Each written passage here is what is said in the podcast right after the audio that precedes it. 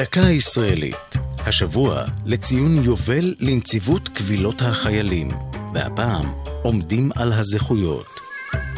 חייל העומד על זכויותיו הוא חייל הממלא את חובתו. אמרה זו טבע חיים לסקוב המנוח, אך לא בכובעו כרמטכ"ל החמישי, אלא דווקא כנציב קבילות החיילים הראשון.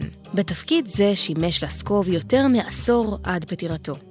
נציבות קבילות החיילים, המכונה הנקח"ל, נוסדה בחודש נובמבר 72 כדי לאפשר לחיילי צה"ל בסדיר ובמילואים, למיועדים לשירות הביטחון, ואפילו לקרובי משפחותיהם מדרגה ראשונה, לקבול על הצבא. עד ייסודה נאלצו חייל או חיילת שחשו נפגעים לפעול דרך צינורות הפיקוד הרגילים בצבא, דבר שעלול היה ליצור ניגוד עניינים. בשנה שעברה, לדוגמה, דנה הנציבות ב-6,220 קבילות, ויותר ממחצית מהן נמצאו מוצדקות.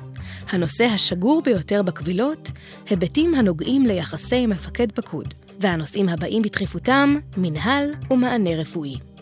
הנציבות היא גוף חוץ צבאי, בראשו נציב או נציבה שממנה שר הביטחון באישור ועדת החוץ והביטחון של הכנסת, למשך שבע שנים. בדצמבר 2020 אושר מינויה של תת-אלוף במילואים רחלי טבת ויזל לתפקיד נציבת קבילות החיילים. והיא האישה הראשונה בתפקיד. זו הייתה דקה ישראלית על נציבות קבילות החיילים ועומדים על הזכויות. כתבה מאיה יהלום. ייעוץ אלוף משנה במילואים, העורך דין ירון וייסווסר. ייעוץ לשוני, הדוקטור אבשלום קור.